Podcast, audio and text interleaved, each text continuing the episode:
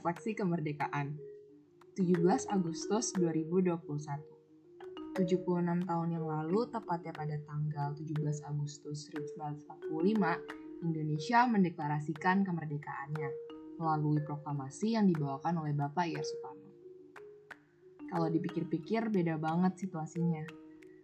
Nggak usah jauh-jauh, contohnya dulu tuh nggak akan mungkin ada tugas kayak gini pendidikan itu privilege dan susah buat didapetin orang-orang biasa. Dulu kemerdekaan itu kayak peristiwa yang di-highlight, penting banget buat semua orang, dan semua orang tuh juga pasti lebih value. Tapi sekarang banyak banget orang yang gak peduli sama hari kemerdekaan. Ya mereka sih semangat, tapi bukan jadi suatu yang meaningful buat mereka 17 Agustus kayak lewat aja gitu kayak hari biasa. Padahal ini salah satu hari yang membuat Indonesia kayak sekarang bebas, negara demokrasi. Terus kita juga nggak perlu mikir buat ngeluarin pendapat, bebas banget. Tapi beda sama tahun-tahun sebelumnya, kita lagi dilanda pandemi. Gak ada lagi upacara yang busuk, yang serius. Ada sih online, tapi pasti banyak banget yang sambil ngechat, uh, teman, buka IG, scroll TikTok, main game. Nilai-nilainya nggak diambil dan lupa buat respect dan mengenang peristiwa yang bikin mereka bisa ngerasain itu semua. Dulu sebelum pandemi rame banget kalau 17-an.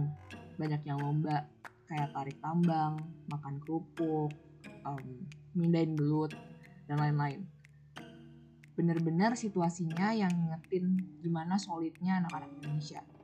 Tapi ya masih tetap nggak terlalu merhatiin dan ngerenungin makna hari kemerdekaan juga sih. Jadi menurut saya kayaknya tiap tahun makin buruk, um, makin gede, makin lupa sama tujuan peringatan 17 Agustus. Dulu pas kecil kayaknya bangga banget. Jadi seorang di negara yang suku dan budayanya banyak banget setelah beberapa tahun pas 17-an cuma suka mainnya doang, lomba-lomba dan lain-lain. Sekarang lomba aja ya nggak ada kalau nggak nggak seru karena online. Jadi benar-benar 17-an emang kayak hari biasa. Hari libur yang lewat aja gitu. Pandemi ini susah banget dilalui. Semua orang capek mental, nggak bisa ketemu siapa-siapa. Tapi on the bright side, merefleksikan hal-hal kayak gini seperti uh, merefleksikan kemerdekaan biasanya bisa bikin kita tambah bersyukur. Thankful and grateful buat pejuang-pejuang Indonesia yang dulu bisa bikin kita bebas seperti sekarang.